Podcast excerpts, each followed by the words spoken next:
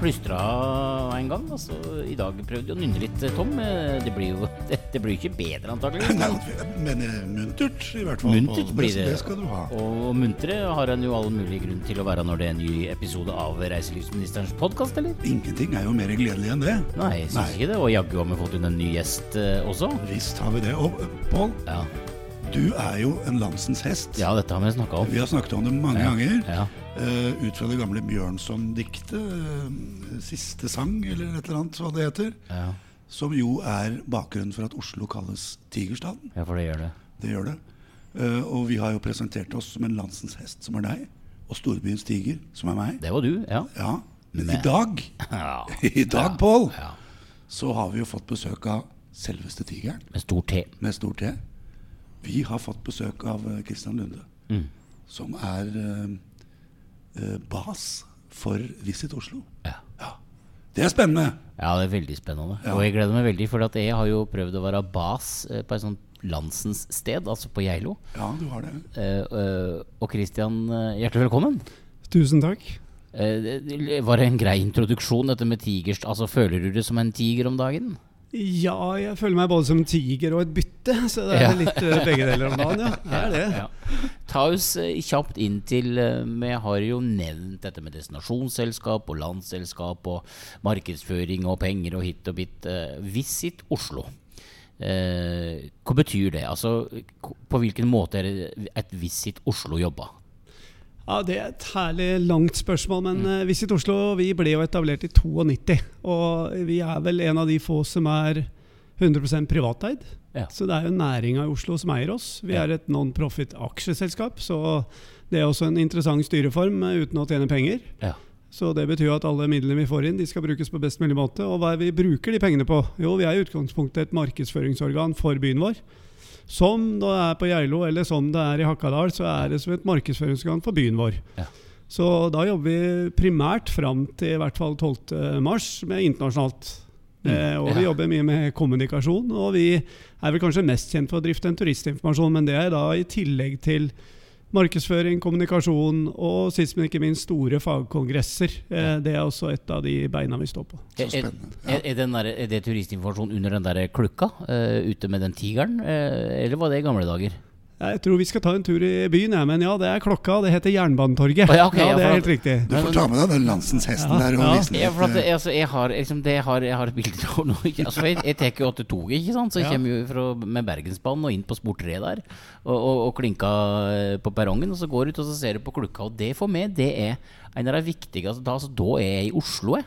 Hvis ikke jeg ser den klukka meg en gang, og, og, og den tigeren som står der, da, apropos, altså den er jo gnidd Snuten og halen og bøyen på den, altså den er jo gnidd på som om den skulle være en sakral, eh, ritual eh, greie. Eh, men der helt altså dikkonen til, eller turistinformasjon til. Ja, Der holder vi til. Og visste du at den klokka den viser også hvilken dag det er? Nei, Jo, vi gjør det. Han gjør det? For hvis du ser klokka, den er jo lang og høy. Og der er Ja. det en del sånne røde neonlys på vei oppover hele Ja, veien. og jeg har trodd at Så der er det tre og tre lys per dag. Så hvis du kommer hit og det er bare tre lamper, ja, da er det mandagen. Er den fullt belyst? Ja, da er det søndag morgen. Vet du hva jeg har tenkt? Nei. Jeg tenker at Nå har ikke vaktmesteren gjort jobben sin. Og at alle neolysa har gått. Nei, dette er hvilken dag det er i uka. Dette kan jo hjelpe en litt forvirra hallingdøl som kommer til hovedstaden. Det kan, det kan hjelpe en eh, svært forvirra hallingdøl som sniker nedover i byen eh, innimellom. Det er Visit Oslo veldig kort fortalt. Eh, selvfølgelig eh, så kunne vi jo ha spurt sånne oppfølgingsspørsmål, men eh, et sånt spørsmål som, som helt sikkert eh, vi skal snakke litt om nå, men jeg har bare lyst til å spørre den der kortversjonen. Eh, hva skjedde 13. mars i Visit Oslo? Eh, Da følte jeg vel at jeg fikk en eh, knyttneve i trynet av en brekkhus eller lignende. Mm. Eh, jeg skjønte egentlig ikke hva som eh, slo oss så hardt. Vi hadde jo sett at denne, dette viruset kom, og jeg har jo fått lov å være i reiselivet noen år og har jo vært med på noen kriser. Mm.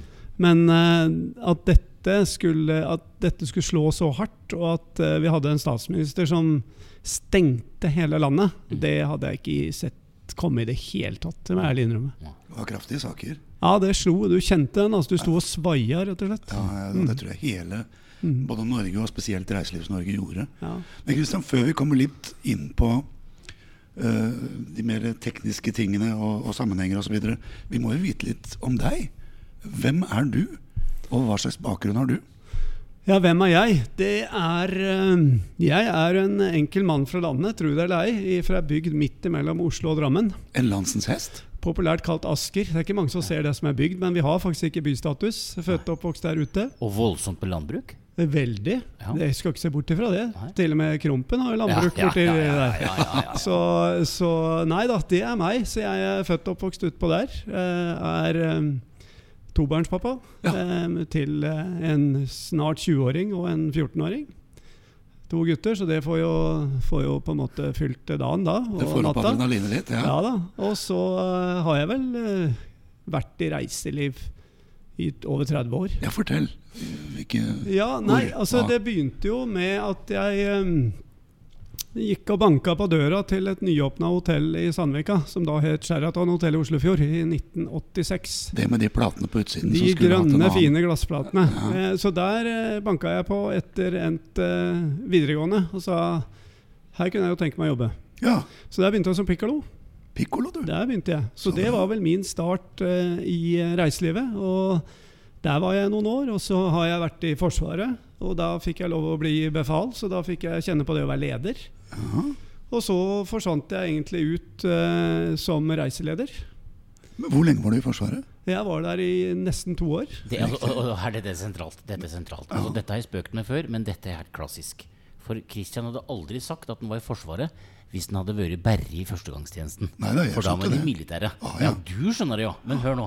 Det var knappe to år, sa han. Ja. Og da er det Forsvaret. Ja visst. Ja, Det er ikke noe militær da. Det er ikke militær pluss, liksom. Det er ikke extended militæret, det er Forsvaret. Ja. Og han endte antagelig opp som sersjant. Eh, eh, Kvartermester. Ja, heter kvar- og du var det, Altså, i akkurat, marinen. altså i, Ja, ja. Igjen, dette har vi også snakka om før. Altså, det er de beste folka i marinen. Altså, Jeg- Steven Meinik Bakke var også fra marinen, og Kristin er fra marinen. Hvor var du hen, Tom? Ja, altså, jeg var jo i hæren og i garden. La oss gå videre. Ja. Jeg, må si, jeg, jeg føler rett og slett at jeg blir litt overkjørt. Nei, nei, nei. nei, Så rent militært vil jeg gjerne løfte min røst for Ja. Nei? ja, det er en, annen- en, en, en annen gang. Altså marinen. It is. Ja. Ok. Ja, altså eh, marinen, og, og så videre ut i reiseleder, sa du? Ja, så eh, kom jeg hjem fra Forsvaret, var vel egentlig ferdig med det. Og så skulle jeg begynne tilbake på hotellet, men da var det jo nye eiere. Og mm, tenkte jeg nei, da må jeg finne på noe annet. Så jeg dro på Det speiler vel litt av min spontanitet, nemlig det at jeg dro på ferie til Badegarstein med Ving alpin og sto på ski. Ja. Og så ble jeg da stående og ljuge med en reiseleder på afterski.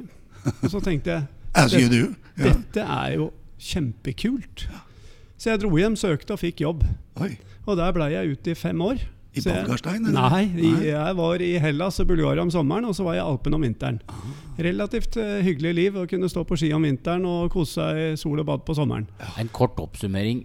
Er du en slik mann som bare ordner det? Ja, på, ja eh, jo, vi prøver å ordne det hvis det er noe som ordnes. Det hørtes ut som altså en drømmegreie. Litt ski på hele snøsesongen, og så bare på sol på solsesongen. Ja. Ja, det funka greit for meg da. Det, Det hørtes, det. det hørtes litt Ja. over middels greit ut, men ok. Ja, Ja, jeg syns mannen har ordnet seg bra. ja rett og slett. Nei, men det handler om altså, Man skal ikke dvele over det som på en måte man dveler over. Jeg tenker det, Man må hoppe litt i det, og så må man prøve og feile. Og det har vi alle gjort, i hvert fall jeg. Mm. Så nei, så jeg har vel vært en som har eh, prøvd å ordne det når jeg har sett det har vært behov for å ordne ting. Mm. Ja. Men, men det vil si at du har gått inn i lederposisjoner i reiselivet? da? Ja da, jeg har jo fått lov, og jeg er jo ikke den som har eh, så mye vekttall å skryte av. Eh, så jeg har jo hatt, vært heldig å ha ledere jeg, som har trodd på meg. Som har gitt meg utfordringer. Som har gitt meg utfordringer som jeg faktisk lurer på hvordan i huleste turte de å gi meg det. Mhm. Men det er jo det som har gjort meg til å bli en leder og få muligheten til å være leder. Så jeg har jo både fått vært leder i Rika Hotels, jeg har fått lov å være leder i, i Ving, som jeg jobba i. Og jeg fikk jo lov å ta over Startur, som det da het, nå TUI, i Norge, som administrerende. Med skrekkblandet fryd, men det var jo moro, for jeg hadde et fantastisk team rundt meg. Ja. Og så har jeg jobba i Nordic Choice, som jeg fikk lov å jobbe med her, innenfor salg og distribusjon Ja. eh, i Norden og Baltikum. Og nå har jeg vært snart fire år i eh, Visit Oslo. Du verden. Så det er vel min eh, reise i de siste 30 åra i reiseliv. Vi snakker med en erfaren mann her. eh, Jeg, er- jeg, er rett og slett, jeg, jeg gleder meg rett og slett eh, til å høre alle disse historiene.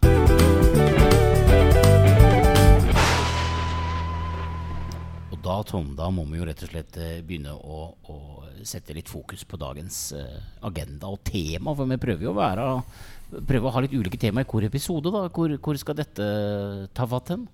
Ja, altså Jeg har lyst til å gripe fatt i en mail jeg faktisk fikk fra dere, Kristian. Fra Visit Oslo. Og jeg, jeg, jeg leser mailen, øh, og den er som følger. Vi er opptatt av destinasjonsselskapene og har veldig god dialog med flere av dem. De er jo ikke avhengig av gjester. De sitter på et kontor og legger til rette for og bidrar overfor bedriftene. Sa distrikts- og digitaliseringsminister Linda Hofstad Helleland under onsdagens spørretime på Stortinget, da Aps reiselivspolitiske talsperson Åsund Lyngdal, som vi for øvrig har hatt i podkasten som gjest nylig på, ville vite hva regjeringen vil gjøre for å hjelpe destinasjonsselskapene.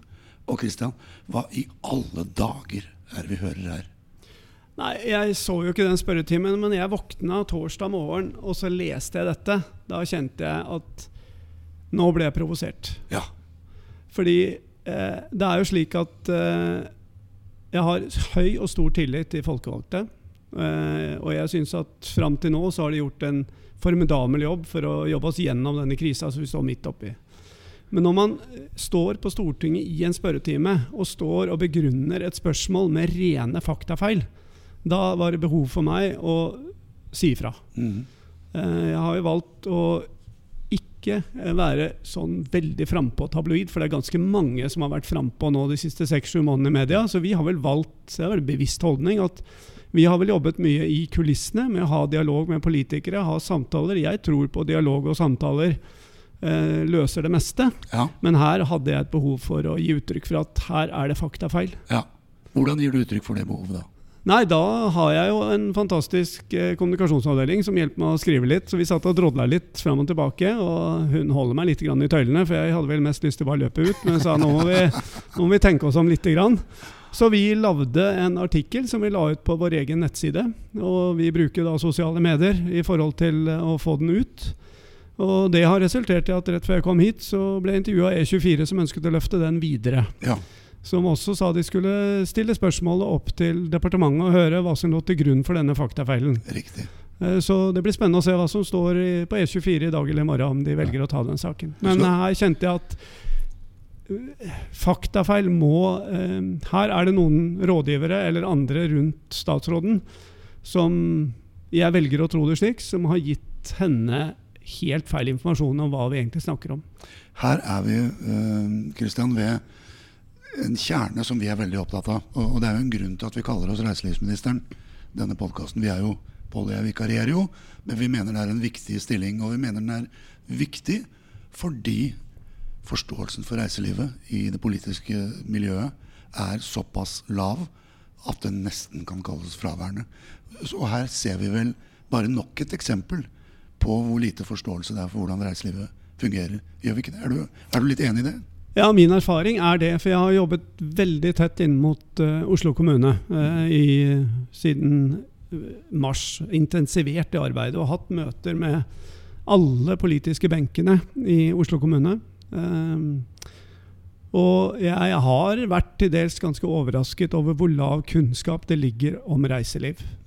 Men jeg må jo faktisk skyte inn da at jeg tror vi, og da ser jeg, og sitter jeg litt i glasshus her, for jeg har jo vært i den næringen i mange år, vi kan nok skylde oss selv lite grann. Fordi vi har vært til tider ganske utydelige på hvem vi er. Ja. Vi har ikke alltid klart å være enige internt, og det har vi gått ganske klart uttrykk for også eksternt. Så det at å sitte på utsiden av reiselivsnæringen og forstå at vi er en næring, men med fem forskjellige bransjer, eh, det er, eh, der har vi også et stort ansvar som representerer lederposisjoner i reiselivsnæringa til å få fram det og faktisk bli enige på bakrommet når det er noe viktig vi skal ha fram. Og der syns jeg vi har kommet langt nå Ja. i denne pandemien. Men, men, men Christian, vi, vi, vi må prøve å ta noen metaforer. Altså, jeg er helt enig i Jeg vet at jeg kommer fra oppe i bygda her eh, og har vært eh, leder av et destinasjonsselskap. Eh, veldig liten skala. Og der eh, veit vi jo hvem våre 21 politikere er, med på fornavn med alle. Det? Det, det er Petter og Hanne og liksom gjengen. Um, og reiseliv og Oslo kommune. Hvor er det hen på sakskartet Altså Når du nå får disse oppdagelsene, og du sier at reiselivet kan skylde seg sjøl, ja, det mener jeg om. Fordi at man har vært utydelige. Og det er jo 100 forskjellige varianter på 100 forskjellige destinasjonsselskap. ikke sant? Og det er jo ikke noe modell heller som er felles. Men, men, men hvor er altså Veit Oslo kommune at det, er, at det er Norges absolutt største reiselivskommune?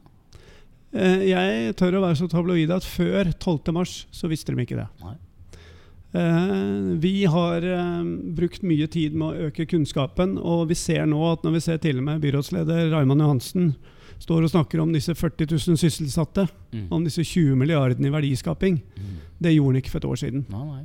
Så før 12.3 så var nok kunnskapen betydelig lav, og vi var knapt på kartet. Mm. Og sånn i størrelsesorden Oslo kommune tror jeg har et budsjett på 74 milliarder kroner. Ja. Det er Norges største arbeidsplass med over 50 000 ansatte.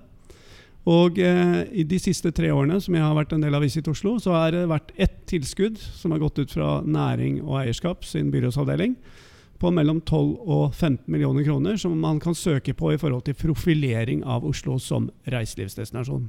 Ja. Hvis du ser det beløpet, det er mye penger hvis du kommer på, fra Geilo, så er det sjukt mye penger. Men hvis du ser det opp mot 74 milliarder, så tør jeg påstå kanskje at eh, det er det fokuset vi har hatt som næring. Og, og, og det der, det syns jeg er så altså det, vi, vi har jo snakka om dette der, Tom, det med by og land. Eh, men, men det er jo ikke lettere da å drive reiseliv i Oslo enn det er på, på, på Ål eller eh, eh, oppe i Tromsø, liksom. Altså det, det er kanskje vanskeligere? Jeg tror, eh, jeg tror ikke vi skal si at det er enklere eller vanskeligere noe sted. Jeg tror vi alle sammen har noen felles utfordringer. Eh, og selv om du kjenner alle politikerne på fornavn, så tror jeg ikke det alltid gjør det enklere. Nei, det er kanskje vanskeligere Eh, innimellom òg. så jeg tror nok det at her er det forskjellige typer utfordringer. Eh, noen av reiselivskommunene er jo dønn avhengig av reiseliv. Eh, noen har ikke helt skjønt at de er det. Eh, og det tror jeg nå Oslo er på vei til å forstå. Eh, at eh, disse 40 000 da, som snart er på vei til å bli permittert eller sagt opp, så alvorlig er det. Jeg tror Oslo passerte over 32 000 arbeidsledige forrige uke. Uh, og da, hvor vi også vet at uh, denne sommeren her var jo katastrofe. Uh, det er jo veldig få nordmenn som tar 14 dager sol- og badferie i Oslo sentrum, i tillegg til at vi har episenteret. Eh, og vi tror vel heller ikke at eh, det blir så fryktelig mye bedre neste sommer. Så, så det betyr jo da må kommunen sammen med næringen eh, være med å stimulere til aktivitet. Og det er jo der vi prøver å fortelle at det er vi som er navet. Det er vi som på en måte er den lille klossen til å få dette til å funke og markedsføre og profilere. Mm. Møter du forståelse for det, Kristian? Hos Raymond? Ja, så definer forståelse. eh, fordi at du kan få at 'jeg forstår', Riktig. jeg hører hva du sier. Ja, Eh, dette tar vi med oss videre. Eh, det har jeg hørt mange ganger. Ja. Men eh, nå står vi foran en veldig spennende tid. Det er vel en uke eller to, så skal eh, budsjettet for Oslo kommune 2021 eh, besluttes i bystyret. Eh, og nå har vi gjort så godt vi kan med å få opp kunnskapen rundt reiseliv. Jeg var selv i en såkalt deputasjon i går.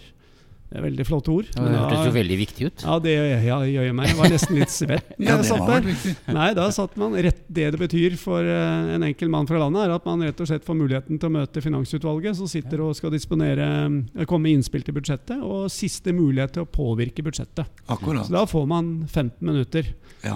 foran eh, Du skulle snakke om betydningen av reiselivet i Oslo kommune på 15 minutter. Ja. Ja, nettopp. Så det var kaller vi en eh, salgspitch. Det er, det er grundige prosesser i hvert fall. Det kan vi være enige om. Ja, ja jo, jo, jo, men, jo, men 15 minutter er jo veldig mye lenger enn eh, 10 sekunder. eh, Eller, altså, det, det er jo litt tid, men hvor i all verden sa du da? Hvor la du vekt på da?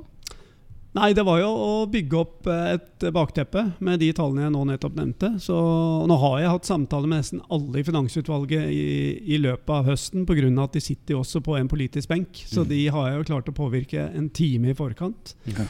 Eh, så handler det om å si hva kan vi gjøre for byen, og hva vil det koste? Mm.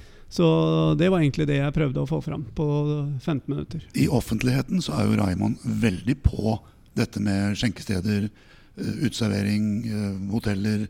eh, Så egentlig Horeka-biten av det er, jo, er jo bystyret tilsynelatende veldig bevisst på. Er det ikke? Jo, de siste, siste månedene har Ja. han vært det. Ja. Eh, og, og det handler om at vi har jo prøvd å også hjelpe kommunen med å få gode argumenter inn mot staten. Ja. For dette er ikke noe oppgave som verken næringslivet løser selv, det er ikke noe kommunen løser selv, og heller staten løser selv. Dette er et samspill.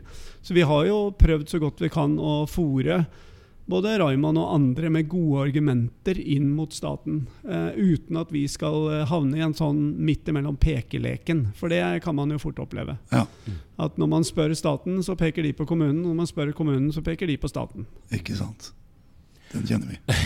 ja, men, men kjenne den. Men, men eh, la oss, altså jeg har lyst til å høre litt sånn derre nå, nå har man jo vi, har jo hatt uh, mange gjester i podkasten vår her som, som har uh, s, Ja. Jeg, vil si det, det er jo tross alt det her helt vanvittige tida vi nå har vært gjennom og er gjennom, så er det jo noe som ser litt sånn småskimt av lys der framme. Litt, litt sånn grønnskjær. Kanskje at ting kommer til å Se, ser, du noe, ser du noe lys i denne her tunnelen her som leder av Visit Oslo, eh, Norges største reiselivskommune? Ja, du spurte meg i stad. Eh, Jeg er jo en som går for ting som må løses. Og jeg våkner hver morgen og sier til meg sjøl at jeg velger å tro at uh, det er et lys, men det tar lang tid. Uh, vi, jeg er jo nå mer eller mindre overbevist om at vi trenger den vaksinen for å kunne ta steget videre. Uh, så 2021 blir for meg et omstillingsår, hvor vi både må gasse og bremse samtidig. Her må vi kunne gjøre de kortsiktige tiltakene for å gjøre oss så attraktive som mulig både for byens befolkning, regionen og nasjonalt. Får vi litt skandinavere og eventuelt tyskere, så er det hyggelig. Det er en, det er en bonus. Ja. Og så må vi rigge oss for 2022. Og for da vil jeg tro at den såkalte normaliseringen vil treffe oss noe mer. Mm. Du, Kristian, altså 2020-2021 skulle jo liksom bli uh, perioden for introduksjon av de nye store signalbyggene i Oslo. Eh, viraken rundt det er kanskje noe dempet, eller hva, hva tenker du rundt det? Nei, vi satt vel på denne tiden her i fjor og hadde eh, jobbet ganske lenge eh, med Innovasjon Norge, med Munch, med Nasjonalmuseet, med Operaen og med flere i Oslo for å lansere kulturbyen Oslo 2020. Så det ligger mye spennende materiell. Det Ja. ligger noen kule filmer. Det lå en eh, kamp- mediekampanjeplan. Det lå nesten ferdigskrevne pressemeldinger til å trykke på knappen. Eh, Så fikk vi første runde før pandemien fikk vi vite at Nasjonalmuseet ble utsatt. Ja. Eh, Pga. noen dører fra Italia. Ja. Og så, eh, Det blir gjerne det på grunn av og noe fra Italia. Så var det jo da først mai hvor Munch skulle åpne, og så satt vi egentlig bare og ventet på å trykke på knappen, og så smalt det. Eh, Så, så den ligger i skuffen. Så vi venter på å lansere kulturbyen Oslo. Vi, om det blir 21 eller 22, uvisst. Men nå sterke krefter sier jo at Munch åpner i 2021. Og så får vi håpe at også Nasjonalmuseet åpner i 2021. Men du, nå har du jo en gyllen anledning til å gi oss en forsmak på de pressemeldingene. Hvis du skal fortelle litt, altså gi oss noen lyspunkter, gi oss et eller annet vi kan glede oss til som turister i Oslo. Og, og, og- Christian, hør, du, du er med jo på podkast. Nå, skal du, nå skal du få en, du få en sånn, du kan få litt sånn bakgrunn. Eh, dette vil du like. Hør nå. For det er litt sånn Ikke sant? Altså Hvis du nå skal liksom selge inn eh, Oslo, eh, så kan du gjøre det med dette her i bakgrunnen. Ikke sant? For, for vi, vi er jo litt nysgjerrige på Oslo. Jeg Ja. vet lite om Oslo. Jeg kjenner altfor lite til Oslo. Så jeg tenker at den her skal ligge stille og rolig i bakgrunnen. Ja, og du vet, Oslo er eh, en av de mest kompakte, vakreste, mest bærekraftige europeiske storbyer og hovedsteder. Du kan gå, du kan sykle, du kan ta sparkesykkelen, du kan svømme. Til og med å ligge og se på det nye Munch-museet mens du ligger og vaker i indre Oslofjord. Det ble nesten litt sånn melankolsk når jeg hører på denne Ja, bakgrunnsmusikken. Det er jo beint fram vakkert, Ja. spør du meg. Og vi har jo også en matscene som de fleste misunner oss. Så her har du en eh, full pakke. Er Oslo lett å selge inn til utlendinger? Absolutt. Eh, Og jeg tror det at eh, når først utlendinger får vite at vi fins For det er jo litt sånn eh, at eh, jøss, vet ikke alle hva Oslo er? Nei, eh, det er jo ikke det. Nei. Det, det, Så- det gamle stå Jøss, veit ikke alle hvem jeg er? Nei. Så, så når de først finner ut av hvem vi er, så kjenner vi det at vi får fantastisk respons når vi henvender oss ut i det internasjonale markedet. Ja. Vi så jo for to år siden f.eks. at matscenen fikk jo et ufortjent rykte der ute. Mm. Nei, Oslo vet du, det var dyrt og dårlig. Ja. Og de fleste av oss begynner å bli såpass gamle at eh, når jeg dro til byen som guttunge, så var det å dra på Peppers Pizza i Stortingsgata, det var eksotisk. Ja, Det var enormt eksotisk. var det. Eh, så inviterte vi faktisk de fleste munchiene i hele Europa til å komme og prøve Oslo. Og de artiklene de skrev, og det de delte, det var med bakoversveis. Og vi betaler dem ikke, vi inviterer dem. Og det er jo alltid litt moro når vi inviterer sånt, for du vet jo ikke helt hva de skriver. Nei, jeg er jo en av de som blir invitert til andre land, så Ja, det kan jeg alt om. Ja. Så du vet jo ikke du Ja, så, men den, det fotavtrykket vi da fikk på matscenen, og det som har skjedd på matscenen Og bare nå i pandemien Altså Fra 1. august til nå så er det åpnet 16 nye restauranter i Oslo. Under pandemien. Yes. Nå er de litt sånn midlertidig stengt akkurat nå, eh, men eh, det betyr jo bare at her fins det masse god mat, veldig mange dyktige kokker. Eh, Det fins også noen gründere opp med stå-på-vilje som bare mener at denne byen skal vi kunne klare å lykkes i. Ja. Men, men, men og dette, Vi kan ikke stoppe her. Ta meg, ta meg litt lenger inn i undergrunnen. Altså Ikke i undergrunnen bokstavelig talt, men ta meg litt mer inn i Oslo. Du skjønner, Mamma hun er vokst opp på Skøyen hovedgård. Eh, så jeg har liksom Jeg har en slags eh, kontakt inn i denne byen. Men, men denne klukka, den er vi enige om. Du vet den med tre sånne striper per dag, Tom? Vet, Klukka er altså klokka for det. Ja. ja. Um, også, og mat. Jeg er utdanna kokk, så jeg har liksom en litt oversikt over Mat-Oslo. Men, men hva annet? Uh, Tom spør er det lett å selge, men hva er det du har å by på da blant dette her, disse eierne dine og alle disse her fantastiske Er det noe annet enn Holmenkollen og, og Operaen? Og, Ja. og Vigelandsparken. Ja, og det, det, det er jo der folk løper til, og det er litt sånn must see. Eh, Men det vi merker også blant Oslo-folk nå i pandemien, hvor vi ser bruken av våre nettsider og Hva skjer-kalenderen, den har jo blitt eh, betydelig mer brukt av Oslo-folk enn tidligere. At det er en by med 15 bydeler. Ja. Du vet at en av bydelene i Oslo er antageligvis større enn Geilo. Ja, ja. Så her handler det om at vi ser Oslo-folk begynner å bruke andre bydeler enn den den vanligvis selv går i. Mm. Og når vi får de til å gjøre det, og dele det på sine kanaler, Mm. eh, så får man plutselig en helt annen oppmerksomhet. Og vi ser også det når Et eksempel er når vi vi så jo for to og et halvt år siden hvor Skam gikk over Mm. alle kanaler. Mm. Så vi lagde et Skam-kart i Google Maps. Så la vi det ut på nettsida vår. Og så bare tok det altså fem dager, så hadde vi 100 000 treff i 70 land. Herre. Og jeg tenkte her må det være noe feil. Her må det være noe spinnvilt feil. Ja. Men det som vi gjorde, den spredde seg inn i disse nerdemiljøene til Skam. Først til Danmark, og så til Kina, og så var det gjort. Resultatet av det er at jeg fikk faktisk eh, noen måneder etterpå en telefonsamtale fra rektoren på Hartvig Nissen. Så ringer meg er det du som er ansvarlig.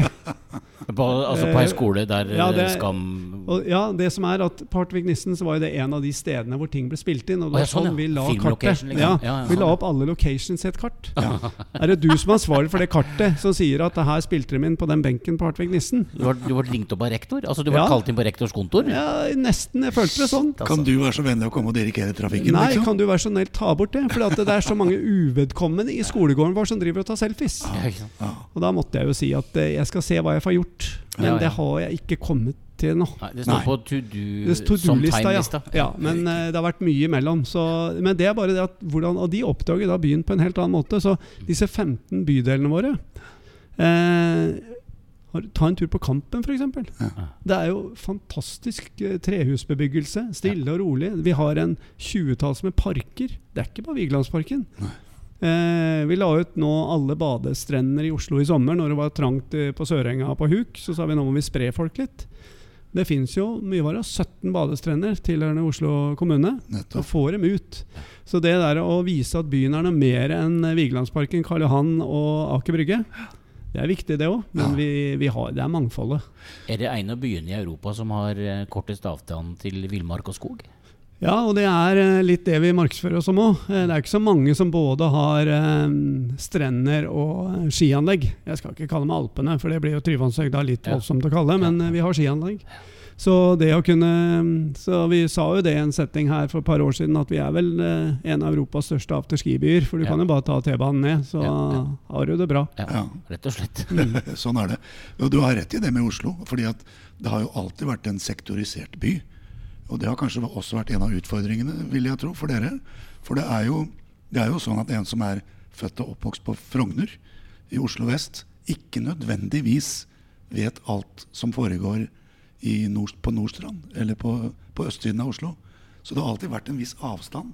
Så du mener at det nå i seg har blitt en mulighet? Ja, vi, det er jo faktisk kanskje noe som eh, vi kan Når pandemien har forlatt oss og vi kommer tilbake igjen til vanlige takter, så tror jeg kanskje det er de, en av de erfaringene vi kan gjøre oss. er at når man blir tvunget til å være hjemme, mm. eh, man blir tvunget til å ikke dra altfor lengst av gårde, så utforsker man litt nye områder i sitt nærområde. Og nå snakker jeg om andre bydeler. Ja, Hilser man på naboen. Ja, så, så, ja. ja. Så spennende. Du, um, nå har vi vært litt igjennom hva, Oslo, hva som trekker folk til Oslo. Jeg har lyst til å komme inn på én konkret ting. Cruisetrafikken. Uh, fordi der er det vel motstridende interesser med incoming-industrien, altså de som lever av å, å servere varer og tjenester til cruisepassasjerer, og bystyret. Er det ikke det? Når det gjelder eh, anløpsmuligheter og begrensninger. Eh, cruisedebatten er jo het i Oslo kommune. Ja. Eh, og jeg opplever den debatten som dessverre per i dag for sort-hvitt. Ja. Det er Enten så er det ingen cruise, eller så er det masse cruise. Mm -hmm.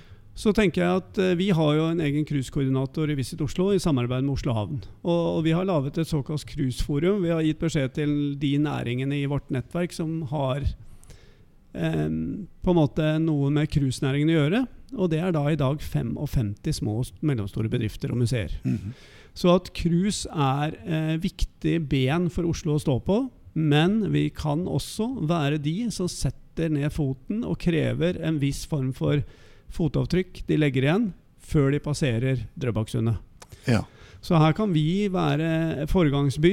Vi er Oslos miljøhovedstad 2019, altså europeisk miljøhovedstad ja. 2019. Eh, vi kan være foregangsby, vi kan være foregangsland i forhold til å være bærekraftig. Og si at og da tenker jeg ok, kanskje det tar en tre-fire år da, før vi får tilbake cruisetrafikken. Men da er vi med å påvirke at også cruisetrafikken blir bærekraftig.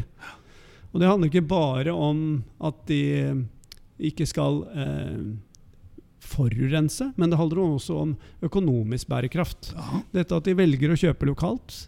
De velger å bruke de tjenestene som vi har å tilby, slik at det blir også et mer økonomisk bærekraftig fotavtrykk de legger igjen i tillegg til det miljømessige. Som jo er et veldig viktig element i bærekraftbegrepet. For meg er det tredelt, ja. Eh, og, og, dette er to av de. Ikke sant? Mm. Og, og, og, når en da altså, Jeg sitter og hører her og, og har jo litt kjennskap til Visit Oslo og, Kostikon framstår ute, altså eksternt.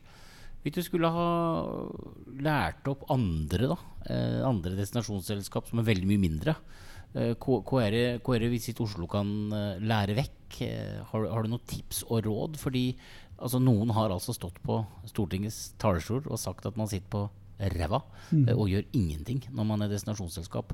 Eh, hva er din versjon da av det? Hva ville du si? Eh, kan du lære vekk noe? Har du noe inspirasjon? Altså, det fins mange. Ja. Jeg tror jeg skal ta ett steg tilbake på det spørsmålet. For vi har en filosofi i Visit Oslo at vi er 100 transparente. Mm. Vi er så heldige at vi er ganske mange. Jeg er heldig og har masse god kompetanse. Eh, som eh, absolutt ikke alle visitselskaper er forunt pga. økonomi og, og destinasjon. Så vi velger å dele stort sett alt vi har, om det er strategier, eller om det er ting vi har, kunnet, har gjort bra, eller ting vi faktisk har driti oss ut på. Mm. Så, så, vi har jo hatt destinasjonsselskaper både fra Tromsø, og Bergen og Trondheim og, og andre destinasjonsselskaper som har vært på besøk. Vi har delt strategien vår, vi har delt våre, våre tanker og ideer. Og vi prøver også å være, dele de det, argumentasjonene vi har inn mot våre politikere, på, og dele de, det nettverket vi er. Mm. Vi er bl.a. nå et, eh, etablert de siste to årene et storbyforum, hvor mm. vi ser da Oslo, Stavanger, Bergen, Trondheim og Tromsø har fått lov å være en storby mm. i denne sammenhengen. Hvor vi eh, møtes eh, fire-fem ganger i året, har vært noe hyppigere nå siden mars. Men det har resultert i bl.a. at uh, vi sendte et felles brev til uh, statsråd Nybø og bedt om et møte. Og rett før jeg kom hit, så skal vi det på mandag. Oi, så bra. Og det handler om å få opp kunnskapen.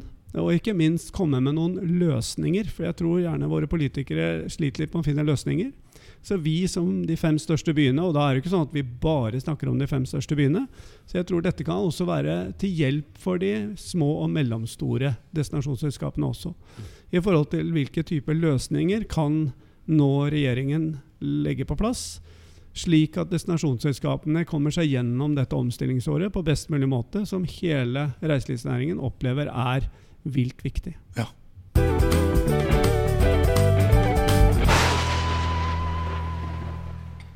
Ja, Tom, eh, hvor tar vi det herifra? Jeg kunne tenkt meg å spørre Christian et spørsmål litt om framtida. Er, er, er det rom for det, syns du? I fremtiden er det alltid rom for Pål, og kanskje viktigere i dag enn noen gang. Ja, ja, ja. Så gjør det. Christian, sommeren 2022.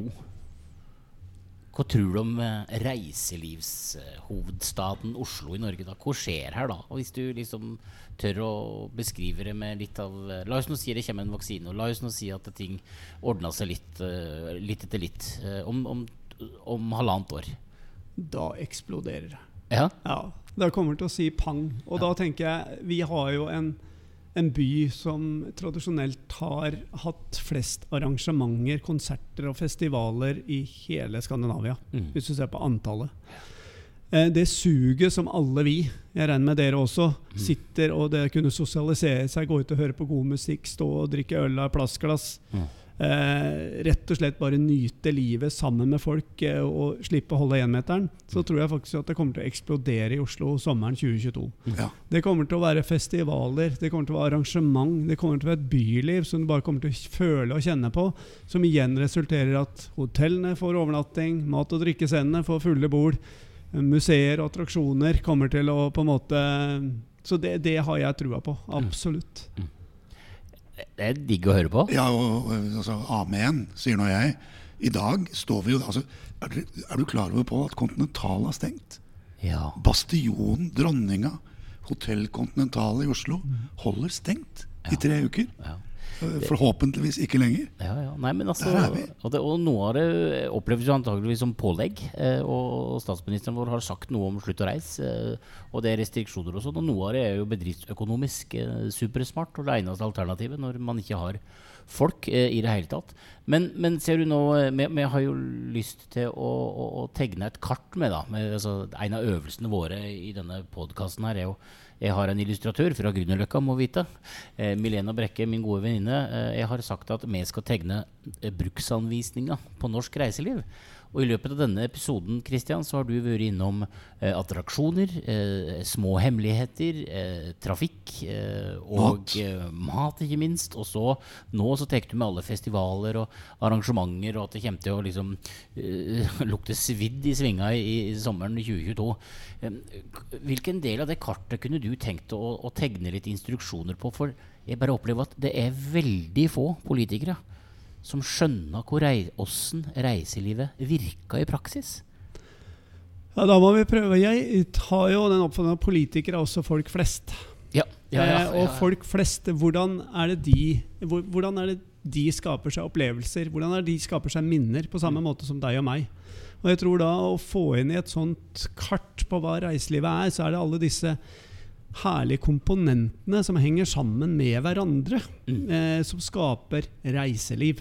Reiselyst, Mm. eh, minner, opplevelser. Og de trenger ikke verken koste så mye eller vare så lenge, men det er gjerne de små, gode øyeblikkene. Så det at opplevelseindustrien, for å bruke et enda nytt ord Mm. det, Dette med opplevelser, Mm. ut ifra hva du er opptatt av, eh, om det er mat, eller om det er kultur, eller om det er rett og slett bare ligge i en park, se opp og tar en kald pils Mm. Altså, det er reiseliv. Mm. Nemlig hvordan du faktisk kjenner at dette er livskvalitet. Dette er, en del av, dette er viktig for meg i mitt liv. Mm. Det er reiseliv. Og Halleluja. Ja, ja. Ja, Jo, men ja altså, virkelig.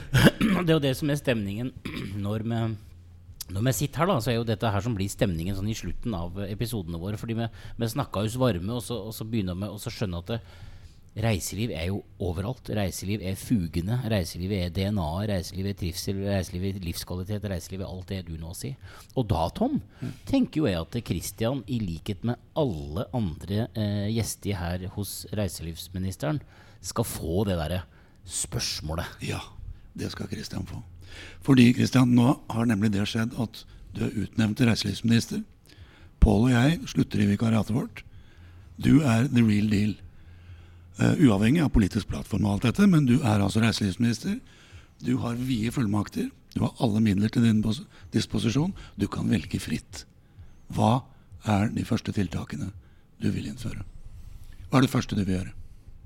Kan jeg få en sånn liten shingle bakmusikk, så jeg får tenkt meg om litt? For Ja. det var et enormt stort spørsmål Ja, det- som jeg ikke på noen som helst måte var forberedt på. Altså, du, kan, du, kan få lov til, du kan faktisk få litt sånn pustepause også. La oss være litt stille i ti sekunder.